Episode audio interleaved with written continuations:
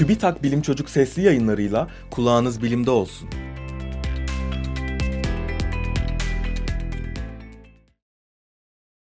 Kuzey Kutbu'nun bazı bölümlerinde kutup iklimi etkisini yitiriyor.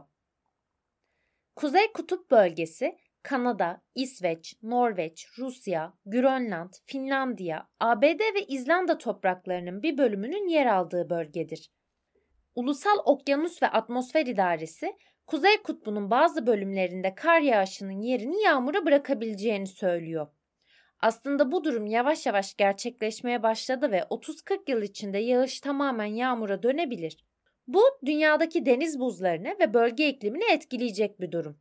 Deniz seviyesinin yükselmesi, donmuş toprak altındaki metan gazı ve bazı bakterilerin serbest kalması, kutup bölgesi bitki örtüsü olan tundranın değişmesi ve bazı canlıların besinlerini kaybetmesi gibi olası sonuçlar bekleniyor.